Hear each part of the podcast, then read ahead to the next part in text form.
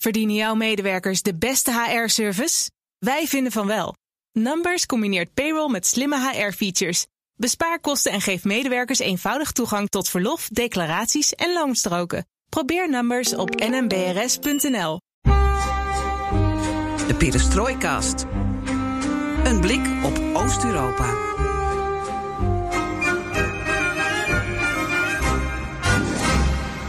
Welkom bij BNR Perestrooikast. De 38e aflevering van de enige podcast, zo claimen wij nog steeds, van Nederland die volledig oog voor het oosten heeft en geeft.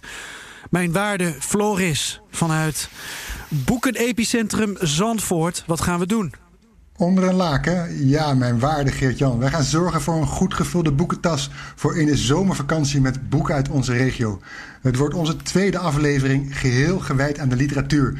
En dus proberen we op deze manier hopelijk voor onze luisteraar een mooie boekengids over Centraal- en Oost-Europa te creëren. Ja, en we hebben twee uh, steengoede gasten zo gek gekregen om ons daarover te woord te staan. Uh, via een, uh, een internetverbinding, een studioverbinding die het voor ons nog goed doet. Excuus voor de lichte echo op de achtergrond.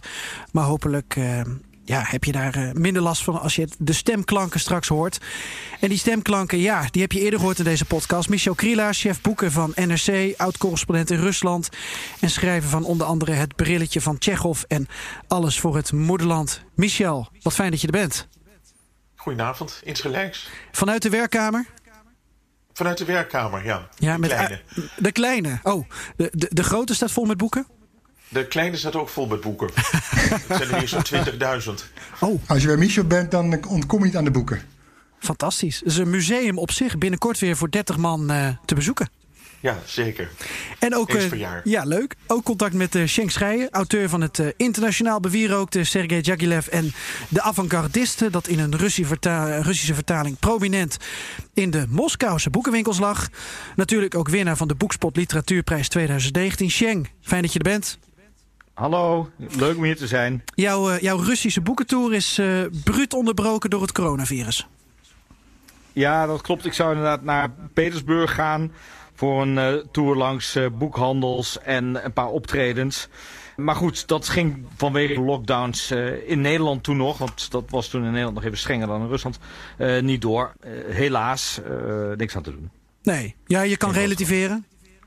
Ja, god, als dat de grote ramp zijn, dan, uh, dan is er weinig aan de hand natuurlijk. Ik ben gewoon lekker doorgaan met mijn werk. Nou, er was niks aan de hand. Nee, is ook belangrijk. Maar ik ga heel even prikkelen één keer. Uh, uh, Michel, Schengen heeft dus het literaire Petersburg niet gehaald.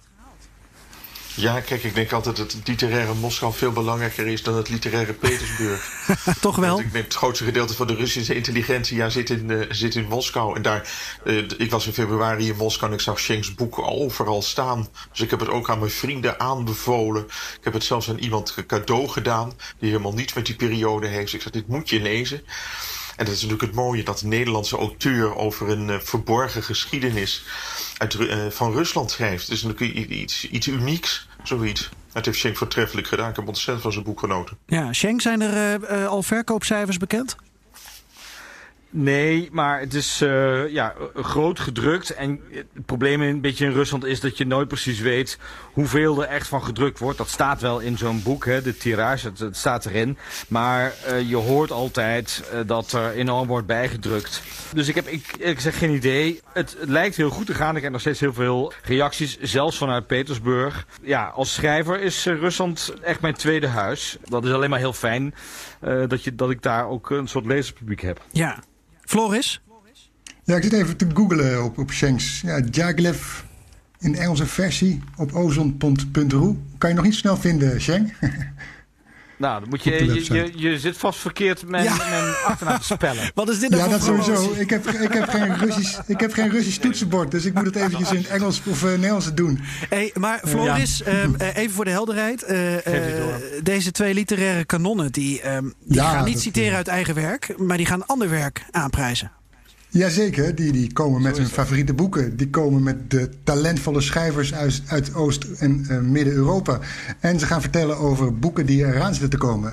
Ja, wat wil je nog meer eigenlijk? Nou, ik wil nog graag een, een anticlimax. En die gaat een andere uh, man. Ja, de andere witte man. Joost Bosman, die gaat hem leveren. Die komt aan het eind uh, van deze perestrooikast ook weer met een uh, ongetwijfeld onbegrijpelijke dijenkletser. Zeker. Een hoop ik. Een liedje?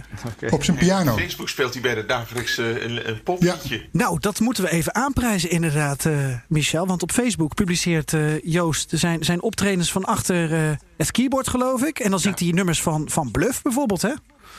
Ja, deze man kan meer dan schrijven en moppen vertellen. Ja. Ongelooflijk, ik moet dat toch ook eens naar gaan luisteren. ja. Hij heeft zelfs, hij heeft zelfs, een, hij heeft zelfs hij heeft zelfs een mondharmonica besteld om The River van Bruce Springsteen te spelen. Dus ik wacht in, in mijn hart klopt steeds harder voor hem. Hartstikke goed. Wow. Even um, helder maken nogmaals uh, dat alles ten oosten van de rivier de Elbe in deze perestrooikast kan worden besproken de komende weken, maanden, jaren. Zeker. En wat leuk is, is dat wij heel sociaal en democratisch zijn. En dat je ideeën kwijt kunt, in kunt brengen via Twitter, at perestrooikast. Of mail ons op perestrooikast.bnr.nl. En we doen zeker wat met jouw ideeën. Ja, want daar gaat Floris zo wat meer over vertellen. Over hoe Precies. we op deze uh, speciale boekenpodcast uit zijn gekomen. Maar dat doen we niet voordat we onszelf even kort voorstellen. Mijn naam is Geert-Jan Haan. En ik ben Floris Akkerman. En dit is BNR, Perestrooikast.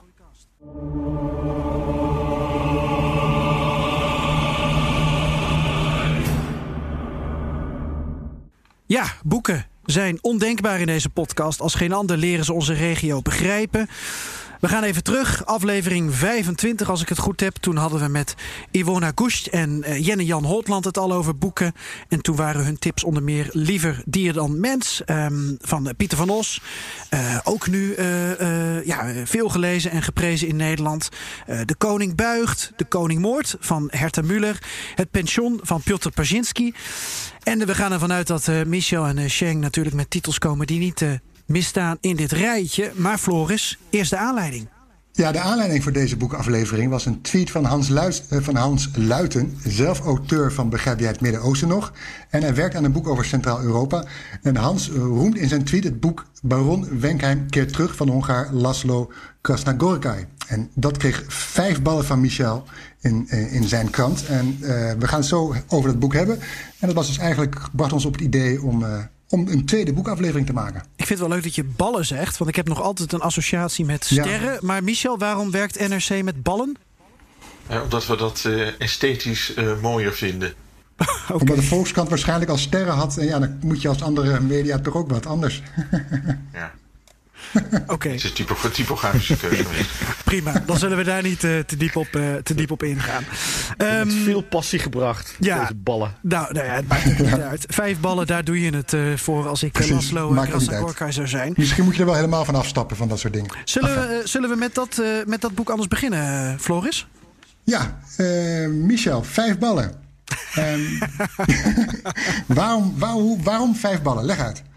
Nou, kijk, je, je, kiest altijd uh, uh, voor vijf ballen als iets uh, vrij uniek is. Als je ervan uitgaat dat het een boek is waarvan je er in datzelfde jaar, 2020, niet weer één van zal lezen. Nou, nu heb ik onlangs weer een vijfballenboek gelezen dat vrijdag in de krant staat van een Russisch-Tataarse schrijver Kuzel Yagina.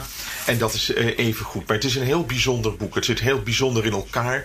Uh, Krasna Horgai is een, uh, ja, een, een, schrijver die op de nominatie staat om... ja, jaarlijks hoor je dat hij genomineerd wordt voor de Nobelprijs voor literatuur. Is een beetje de Harry Mulisch van Hongarije?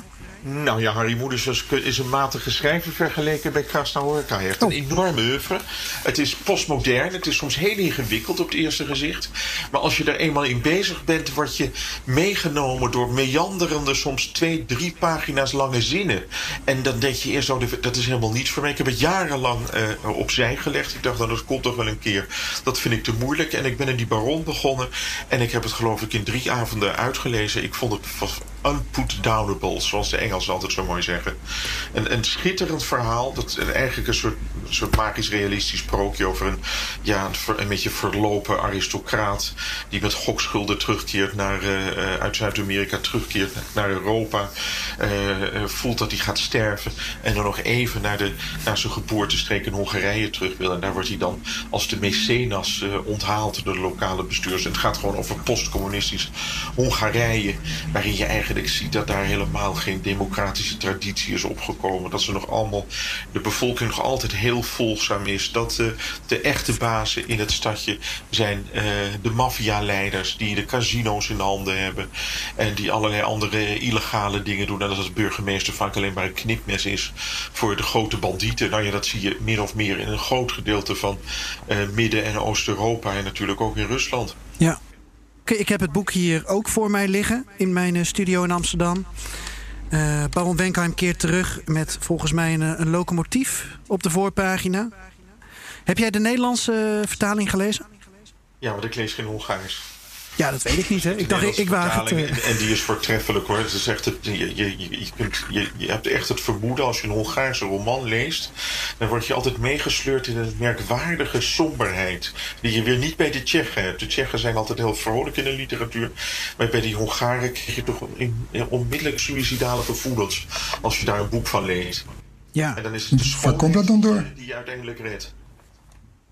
Waar komt het dan door dat de Hongaren en de Tsjechen daar zo anders in staan. Hebben natuurlijk altijd. De Tsjechen zijn natuurlijk een echt een bier- en worstvolk. Hè? Die hebben natuurlijk een beetje de vrolijkheid van veel bier drinken. Kijk naar de boeken van Bohemil Rabal.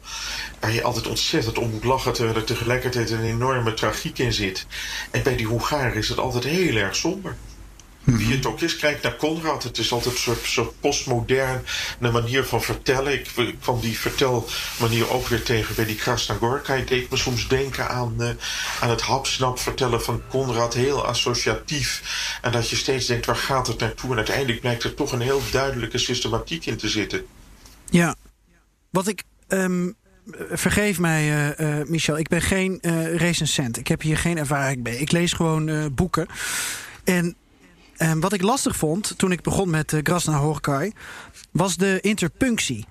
Ik weet niet of jij als recensent daar uh, wel eens last van hebt, van, van, van nee, lastige ik, interpunctie. Ik heb zoiets, kijk, je hebt, je hebt bij Krasnahorka die hele lange zinnen. Ja, en waar zijn de punten? Soms, uh, die eindigen op uh, drie puntjes. Dat, dat doet Louis Ferdinand Céline ook in Reis naar het einde van de nacht. Die, die heeft, volgens mij hebben ze allemaal een beetje bij Céline het afgekeken. Om die stream of consciousness, die, die, die, ja, die, die stroom van gedachten, ja, een beetje zonder aan op te laten verlopen. Maar het is helemaal niet erg. Ik heb er een truc op verzonnen. Ik lees altijd het eerste deel, de eerste twee, drie bladzijden, min of meer hardop in mezelf. En dan kom je in dat ritme van die taal. En dan kun je het op een gegeven moment uh, dat hardop lezen laten.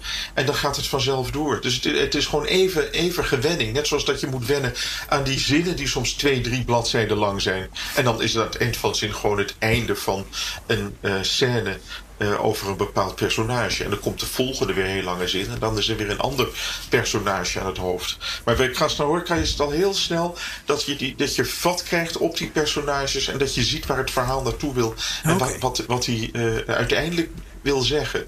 Nou, dan moet ik daar even doorheen. Maar ik vind het een goede tip. De eerste uh, pagina's dan hardop lezen. Want ik verzande een beetje in de, in, in, de, in de comma's. En ik had even het gevoel, misschien is dat een hele foute vergelijking... maar dat ik in, in het laatste deel van hersenschimmen van, van Bernlef was beland... en er gewoon niet uitkwam. Ja, nou, dan is ook Gaston ga je een veel betere schrijver dan, uh, dan, dan Bernlef. Nee, het is, je, je, het, het, is, het, het is gewenning. Ja. Het, is, het, het is wat ik al zei. Ik heb, ik heb tegen, jarenlang tegen Gaston je op, uh, ge, uh, er tegenop gezien. En ik, ik werd nu gedwongen om het te doen. Omdat ik dacht, ik moet het toch eens doen. Als, uh, als deskundige op het gebied van Oost-Europa. En uh, het is me buitengewoon bevallen. Ja. Je, je schrijft, Michel, in je recensie... dit, de grote Oost-Europese roman... Uh, uh, schrijf je over dit boek. Is dit Ja, boek nou, dan... kijk, dat- dat is natuurlijk de aanleiding van de, de Great American Novel. Dat er eigenlijk de, de geschiedenis van Oost-Europa na de val van de muur in dat boek vervat zit. En dat vind ik er zo knap aan. Je ziet heel duidelijk wat er gebeurd is. En we leefden onder het communisme. Nou, dat was daar het Gulag-socialisme. dat was een beetje, dat was een beetje eh, verlichting van het eh, autoritaire regime in Hongarije voor de val van de muur. En daarna is het gewoon uitgelopen op een, eh, ja, een autoritaire chaos. Want we hebben daar nu Orbán als premier. Nou ja, ik denk niet dat er een groot verschil is met de tijden van het communisme. En er zijn natuurlijk, wat voor heel Oost- en Midden-Europa en Rusland geldt, enorme verschillen tussen arm en rijk ontstaan. De voormalige elite, de communistische elite, daar hebben delen van, vooral mensen die uit de veiligheidsdiensten voortkomen, die eh, hebben geprofiteerd van eh, het wilde kapitalisme dat is ontstaan. Die hebben gewoon allerlei staatsbezit zich toegeëigend en die zijn rijk geworden. En die hebben natuurlijk ook de, de macht op een bepaalde manier. En dat zijn de winnaars. En de gewone man die het onder dat communisme natuurlijk even ja, slecht had als eh, mensen uit de wat, eh, de- met wat betere banen. Ja, die zijn echt eh, het slachtoffer daarvan. Die zijn weggezakt in armoede, in desillusie. Men dacht allemaal, dat zegt Svetlana Alexievich, de Russische Nobelprijswinnaar is, altijd heel duidelijk.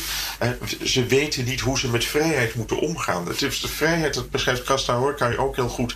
Vrijheid is niet iets dat je op een dienblaadje wordt aangeleverd en daarna komt alles goed. Nee, voor vrijheid moet je wat doen. Je moet je ermee gaan bemoeien. Je moet naar een stembus gaan. Je moet je verantwoordelijk er, ergens voor voelen. En dat doen al die personages in die, in die eh, eh, Oost-Europese Ja. romans niet. Ja. Even één quizvraag tussendoor, Michel. Ik weet niet of je van de quizjes bent, maar wie is eh, eh, tot nu toe de enige Hongaarse schrijver die een Nobelprijs heeft gewonnen? Kirtes. Ja. Wauw, heel goed. Mag ik nog jaartal vragen of is dat overdreven?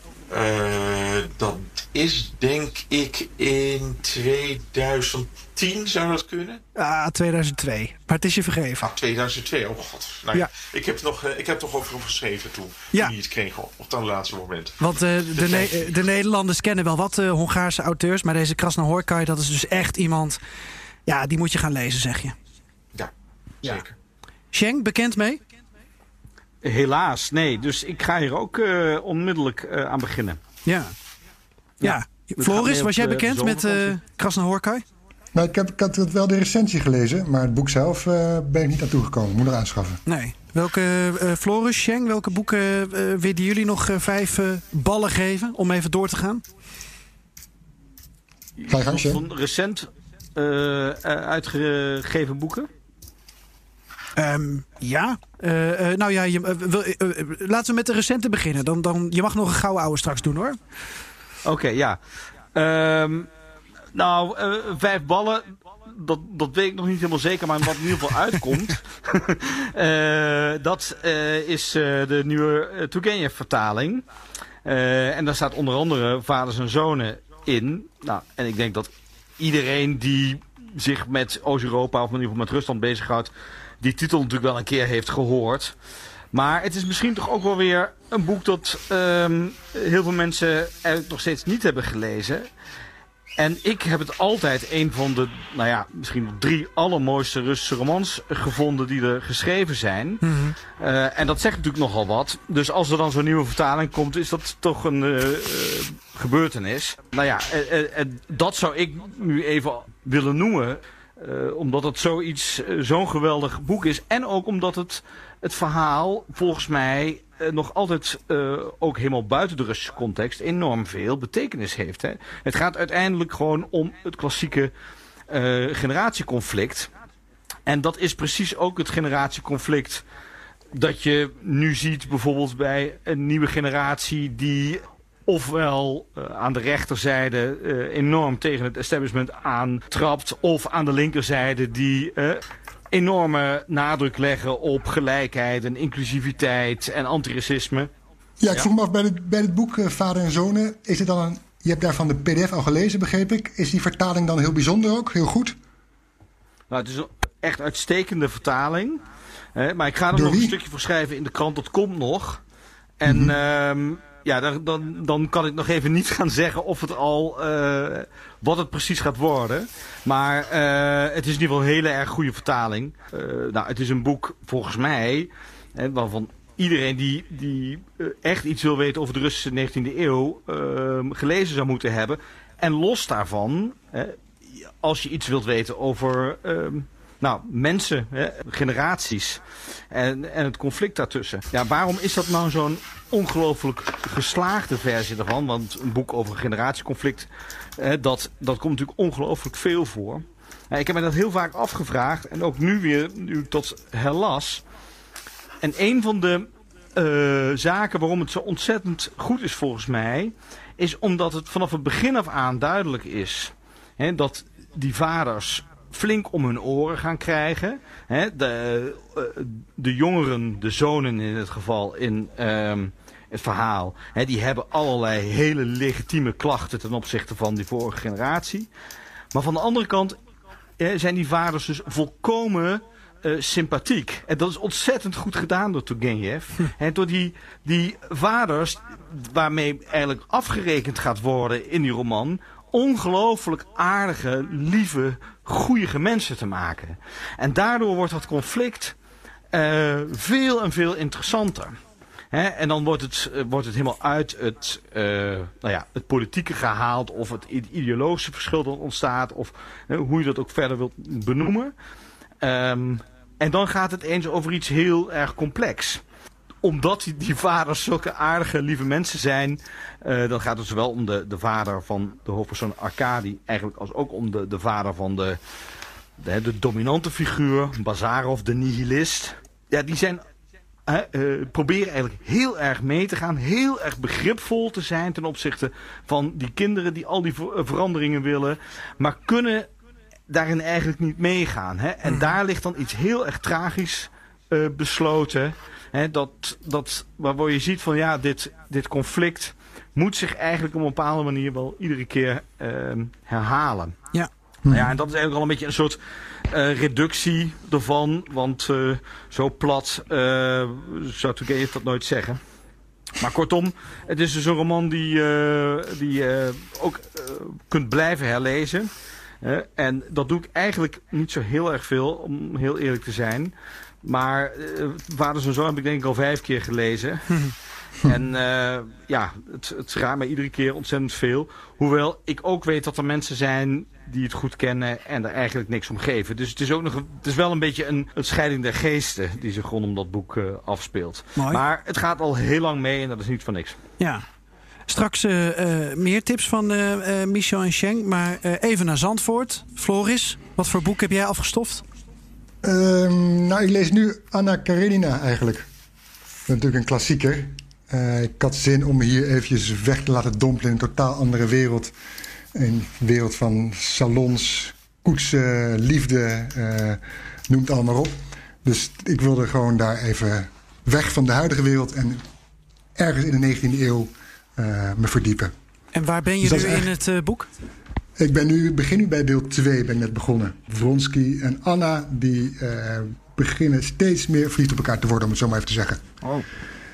Oh, ja. God, Is er, welke vertaling lees je? Fantastisch. Uh, ja, dit, er was een paar jaar geleden was hier een film over uit, hè, met Jude, Jude ja. Law en uh, Knightley.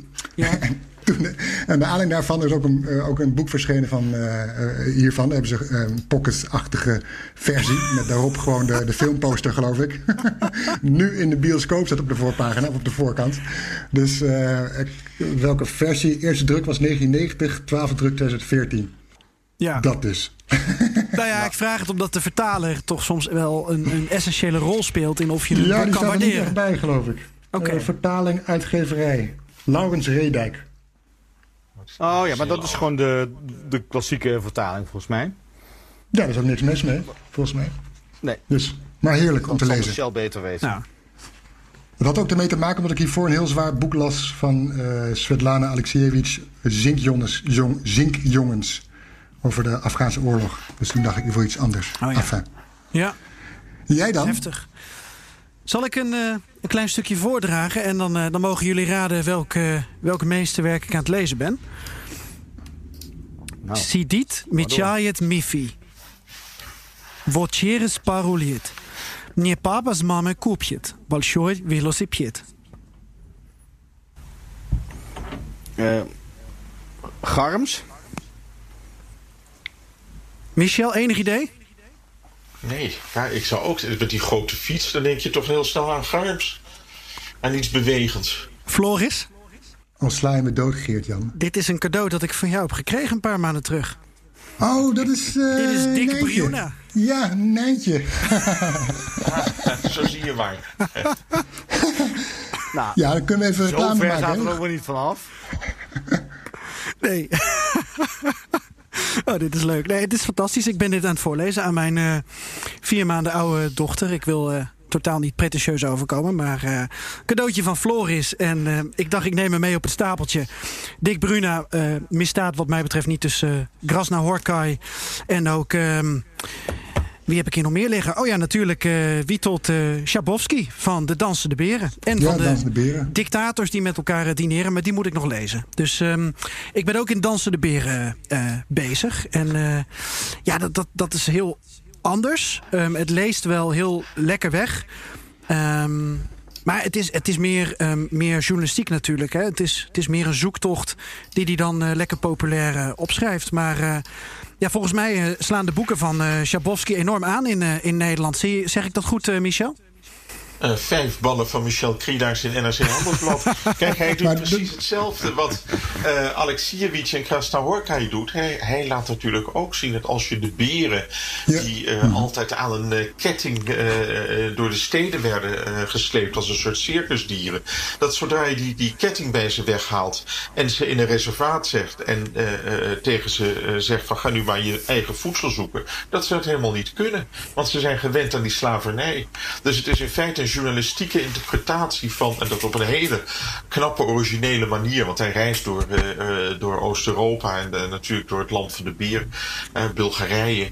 om te kijken hoe, hoe mensen met die vrijheid omgaan. Dus, is, dus die beer wordt als de metafoor... voor de Oost-Europese mens gebruikt. Ja. En de, de dictators, misschien even een tipje van de sluier. Heb je die al gelezen? Nee, dat heeft hij ook gedaan, hè? allerlei dictators Ja. in de wereld. Ik zag een, een, een recensie eh, op de Nederlandse tv met Jelle Brand Korsius en Anita Witsier. Eh, blijkbaar grote dictatorkenner. Ja, ongetwijfeld. Dat, eh, nou ja, voor de, voor de begrijpelijke toenadering tot, tot grote literatuur. Ehm, ja, nog meer boeken. Michel, waar ben je mee bezig? Wat, wat kan je nog aanprijzen? Je had het net al over de Russisch-Tataarse schrijfster. Ja, eh, Guzel Yagina, van wie ik voor de krant van vrijdag eh, Wolga-kinderen heb gelezen. En zij is een schrijfster die twee jaar geleden in Rusland debuteerde met een roman Zulaika opent haar ogen. Dat is een roman over eh, de deportatie van eh, Tataarse boeren in de jaren, eind jaren twintig door, door Stalin tijdens de collectivisatie van de landbouw. Die worden naar Siberië gestuurd. En die worden dan gewoon ergens met een bootje in de taiga aan een rivier neergeplemd. En dan moeten ze maar zien hoe ze overleven. Dan moeten ze hun eigen concentratiekamp bouwen. En daar blijven ze dan de hele tijd, de hele Stalin-periode. Nou, dat boek heeft in Rusland een hele belangrijke prijs gekregen. Dat is in 31 talen vertaald. Dat is overal ter wereld heel erg goed besproken. En die vrouw heeft nu een tweede roman geschreven. Ze is begin 40. Eh, eh, die, die roman gaat over een vergelijkbaar historisch drama. Namelijk over de vernietiging van de eh Volga-Duitse autonome socialistische Sovjetrepubliek in 1925 opgericht. En eh, tijdens de Tweede Wereldoorlog vernietigd. Volga-Duitsers die onder Catharina de Grote naar Rusland waren gelokt omdat het goede boeren waren om het land te bewerken aan de oevers van de Volga. En dan wordt er ook een verhaal verteld aan de hand van een schoolmeester en zijn eh, pleegdochtertje. En daarmee wordt ingezoomd op, eh, op dat grote drama. Nou, het is, het is een boek, het leest als een gruwelig sprookje. Het is prachtig vertaald door Arthur Langeveld. Het is schitterend Russisch. Ik heb een deel in het Russisch gelezen. En het zijn hele mooie poëtische zinnen. Het is alsof net of je een gedicht leest. Zo mooi. En ze weet prachtige beelden op te roepen. Ook, ook vijf ballen. Ook vijf ballen. Hey Sheng, ehm, Ja. ehm, welk boek uit Centraal- en Oost-Europa, of Oost-Europa, laat jou niet los? Uit je... Ja, ik was ehm, specifiek voor deze tijd was ik nog weer even in eh, de verhalen van een jonge arts van eh, Bulgakov gedoken. nou, Bulgakov kent iedereen natuurlijk van Meester en Margarita. Hè, dat is een naam die, uh, titel die, die iedere Rusland kenner uh, ongetwijfeld veel zegt. Die verhalen van een jonge arts die zijn veel minder bekend. Dat is ook echt jeugdwerk van Bulgakov. Die zelf een arts was. Net zoals Pasternak en Tsjechov bijvoorbeeld. Hè. Nogal wat Russische schrijvers waren arts. En dit is zo leuk omdat... Um, ja, ik moest gewoon denken aan al die artsen nu in die uh, hele rottige Russische ziekenhuisjes ver van de grote steden. Want, nou ja, zoals iedereen weet, uh, is de medische zorg in, uh, in Moskou eigenlijk best oké. Maar ver weg in de provincie is het natuurlijk echt een stuk lastiger. En in, dat, in die verhalen van de jonge arts schrijft Bulgakov voor zijn doen hè, eigenlijk heel erg realistisch. Ik zou bijna zeggen fel realistisch. Dus heel anders dan die meester Margarita bijvoorbeeld. Of dan het hondenhart. Hè, um, over de ervaringen van zo'n jonge arts die net is afgestudeerd. Hè, uh, en dat is een klassieke medicijnenstudie. Dus dan, dan doe je vrijwel niks praktisch. Je zit de hele tijd uh, alleen maar te kijken wat, wat de professor doet en zegt. En je gaat met een stapeltje boeken onder je arm. Word je erop uitgestuurd. En hij komt terecht in een uh, heel klein dorpje waarin hij de enige arts is in een ziekenhuis en waar er voortdurend uh, mensen met, met enorme problemen binnenkomen.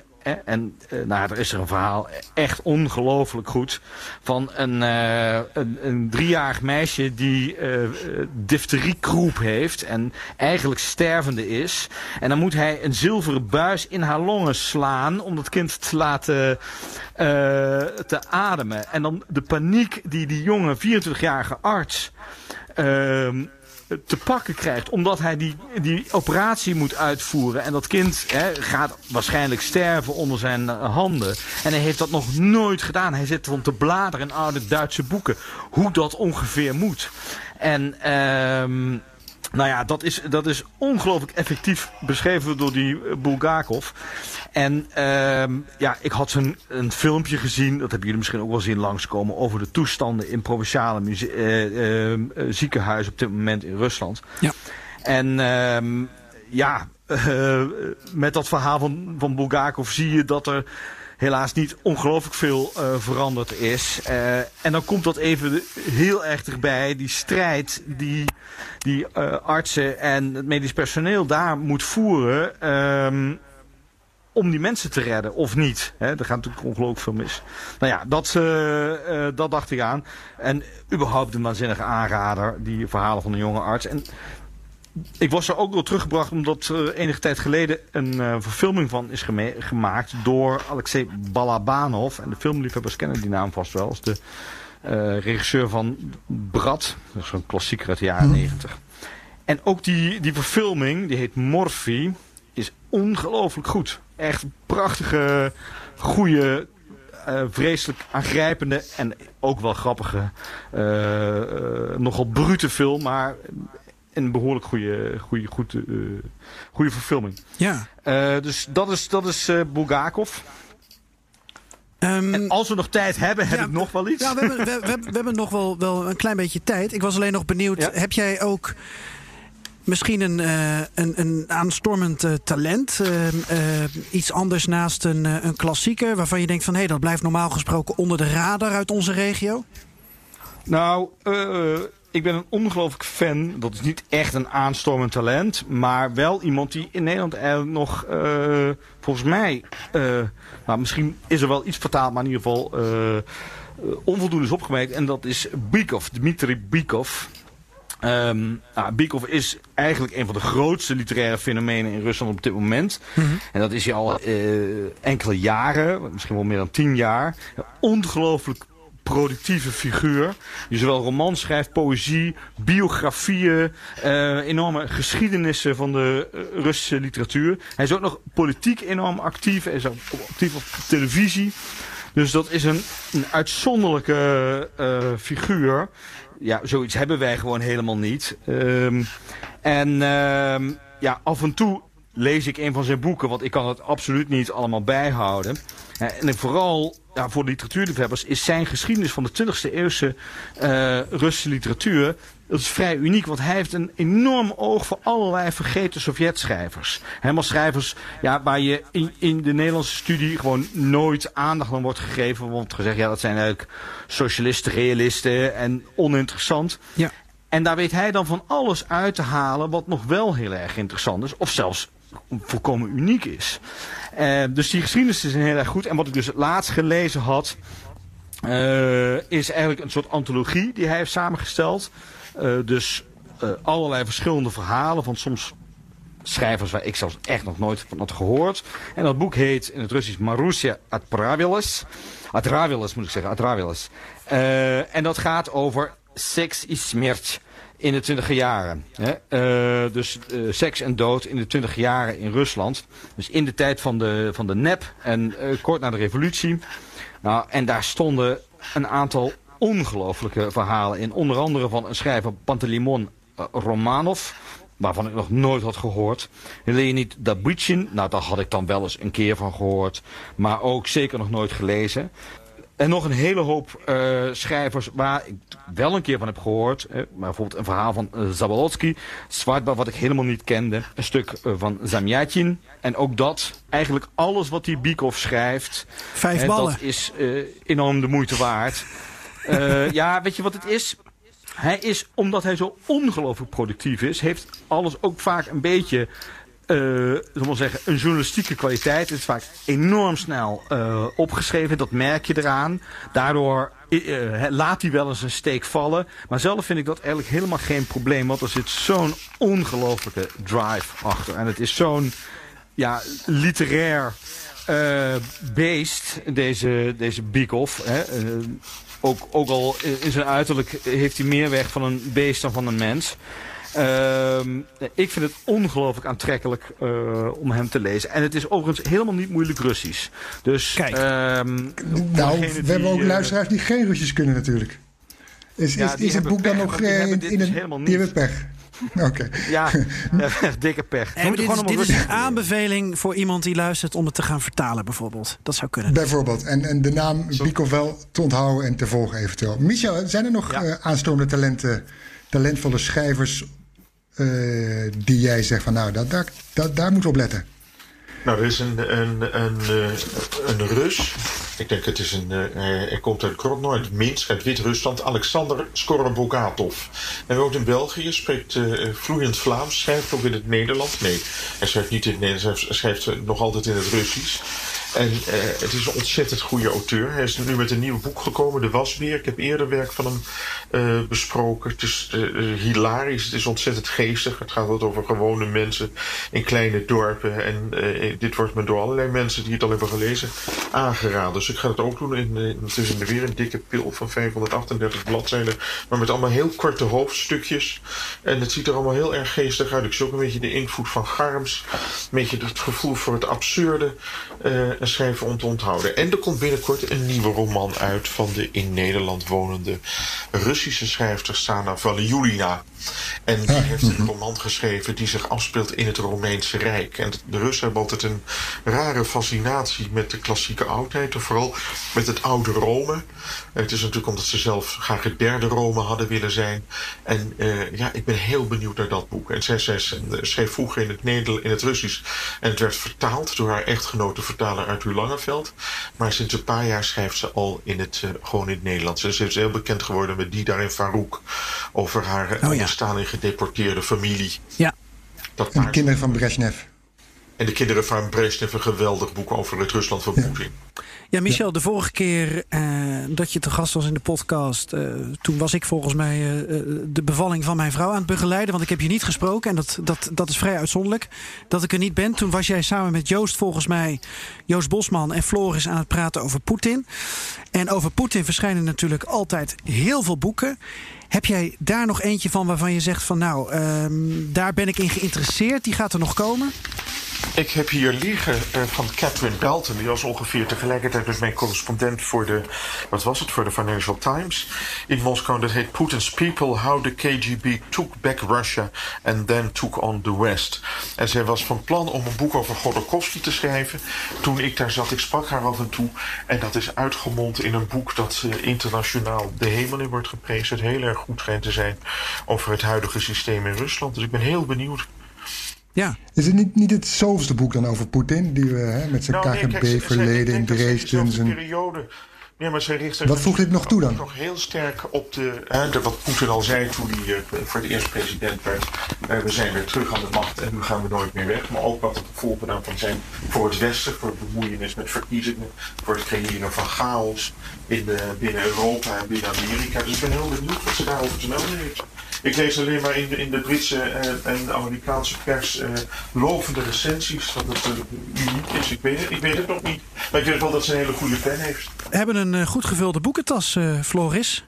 Zeker, zeker. En we Wil kunnen nog, één boek aanprijzen? We kunnen nog uren doorpraten, maar... Nee? Ik moet echt nog één ding zeggen, jongens. Maar anders, Schenk nog één ding zeggen. Ja, ja, ja heel kort, heel, heel kort. Heel kort, ja. Maar dat, dat heel kort voor een... een ehm, een boek waar je niet omheen kunt. Het is een boek al uit 1966. En ik had het laatst weer een keer uit de kast gehaald. En dat is The Icon and the Axe van James Billington.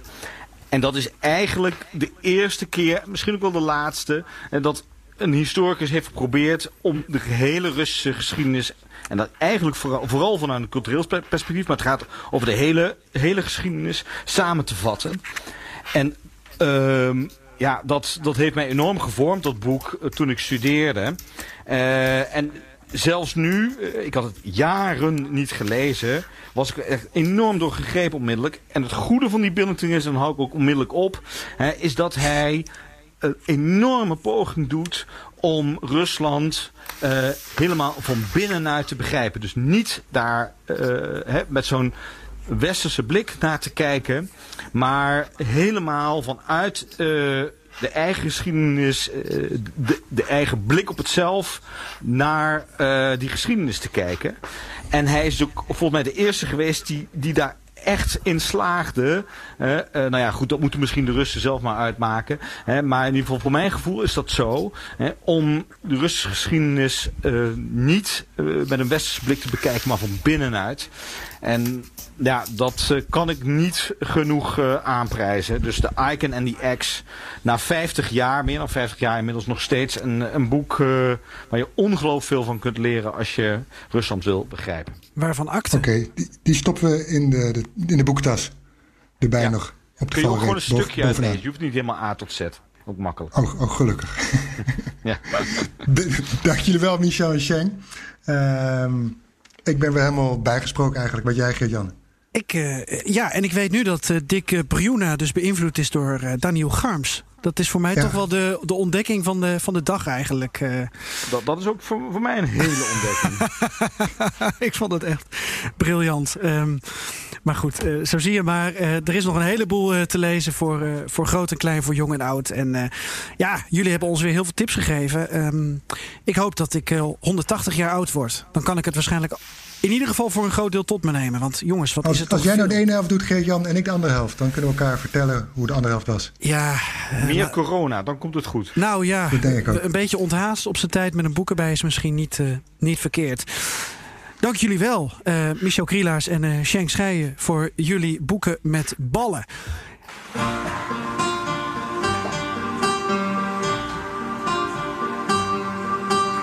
heard there was a secret chord David played and it pleased the Lord. But you don't really care for music, do you?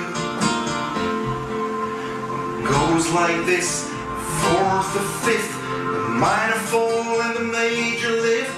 The baffled king composing hallelujah, hallelujah, hallelujah. Halleluja, halleluja. Joost, wat hoorden we daar voor schitterende muziek? Ja, ja, ach, flyer. Eh, ik, ik doe het een. Ik doe het. slapen, dus ja, dan moet ik zo nu en dan weer eventjes eh, wat, wat, wat complimenten Stroop om, de, stroop om de mond smeren, ja, ja. Nee, ehm, nee, ik doe dat al een paar weken, eh, twee maanden nu bijna, denk ik, om gewoon de verveling van de quarantaine te verdrijven. En omdat mensen er misschien een glimlach per dag aan overhouden als ze het zien. Iedereen zit in quarantaine en het leuke is dat je er hele grappige gesprekken over krijgt via Facebook. Mensen reageren, daar reageer ik dan weer op. En, dat, eh, en ook heel onverwachte reacties van onverwachte mensen. Ja, Eh, je, hebt, eh, je hebt in je, voor de luisteraar die niet weten, die niet op je Facebookpagina zitten, je hebt in jouw thuis, in jouw flat in Moskou, heb jij een piano staan, ja, waar je dus liedjes op speelt en filmpjes post op Facebook. ja, die eh, neem ik op en daar zing ik een moppie bij en dan eh, zet ik dat op Facebook. Ja. Eh, het is allemaal niet zo van een hoog niveau, maar het is, het is grappig om te doen. En, en het voornaamste is dat, dat je, dat je, dat je het effect daarna, je, hè, mensen reageren en. en, en het is niet alleen het liedje, maar ook de discussie of discussie, de, de gesprekken die je daarna krijgt via, via Facebook. Als een klok ook, van Billy Joel, Joel tot, tot Leonard Cohen, van Sheryl Crow tot... Ja, eh, Randy Newman, Randy Newman niet vergeten. Wow, mijn, mijn, mijn grote held. Ja, ja. Nou, dankjewel, dankjewel. Ik ben blij dat je het leuk vindt. Ja, ja het, het, het was vandaag even, even kiele kiele, want het- na al die eh, filmpjes opnemen moest ik ook nog een mop zoeken natuurlijk vandaag. Maar ik heb er een gevonden, ik heb er een gevonden. Over muziek, of, of leid je hem in? Nee, nee, over, over Lego. Lego, maar gaat het Lego. heel goed van vroeger. Ja, voor mij is het nog steeds mijn favoriete speelgoed. Je hebt nagebouwd.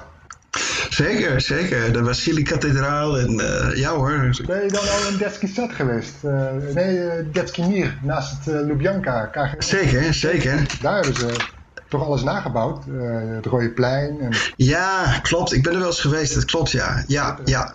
Ja, is erg mooi. Ja, ja, ja. Ja, met Lego kun je van alles doen natuurlijk. Nou, uh, de mop gaat als volgt. Het gaat over Moldaviërs. En Moldaviërs hebben de naam in Rusland uh, een beetje dom horen te zijn. Zoals wij Belgen moppen vertellen, vertellen ze in Rusland, zoals je mogelijk weet, moppen over uh, de domme Moldaviër. Mm -hmm.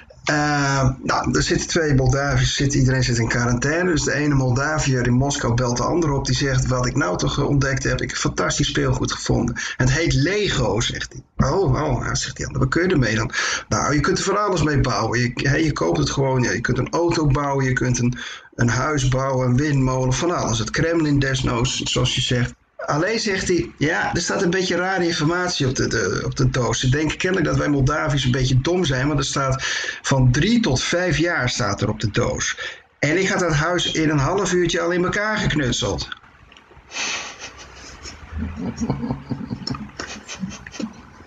Ja, wie is hier nou dom? Ja, Oké. Okay. Goed. Leuk, leuk. Volgende keer een Russisch liedje als, als intro. Desnoods, desnoods. Oké. Okay.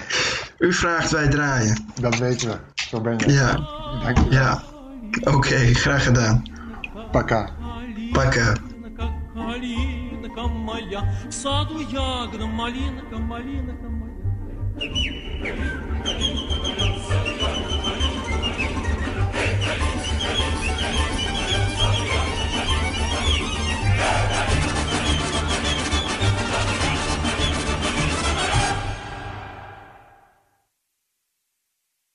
Verdienen jouw medewerkers de beste HR-service? Wij vinden van wel. Numbers combineert payroll met slimme HR-features. Bespaar kosten en geef medewerkers eenvoudig toegang tot verlof, declaraties en loonstroken. Probeer Numbers op nmbrs.nl.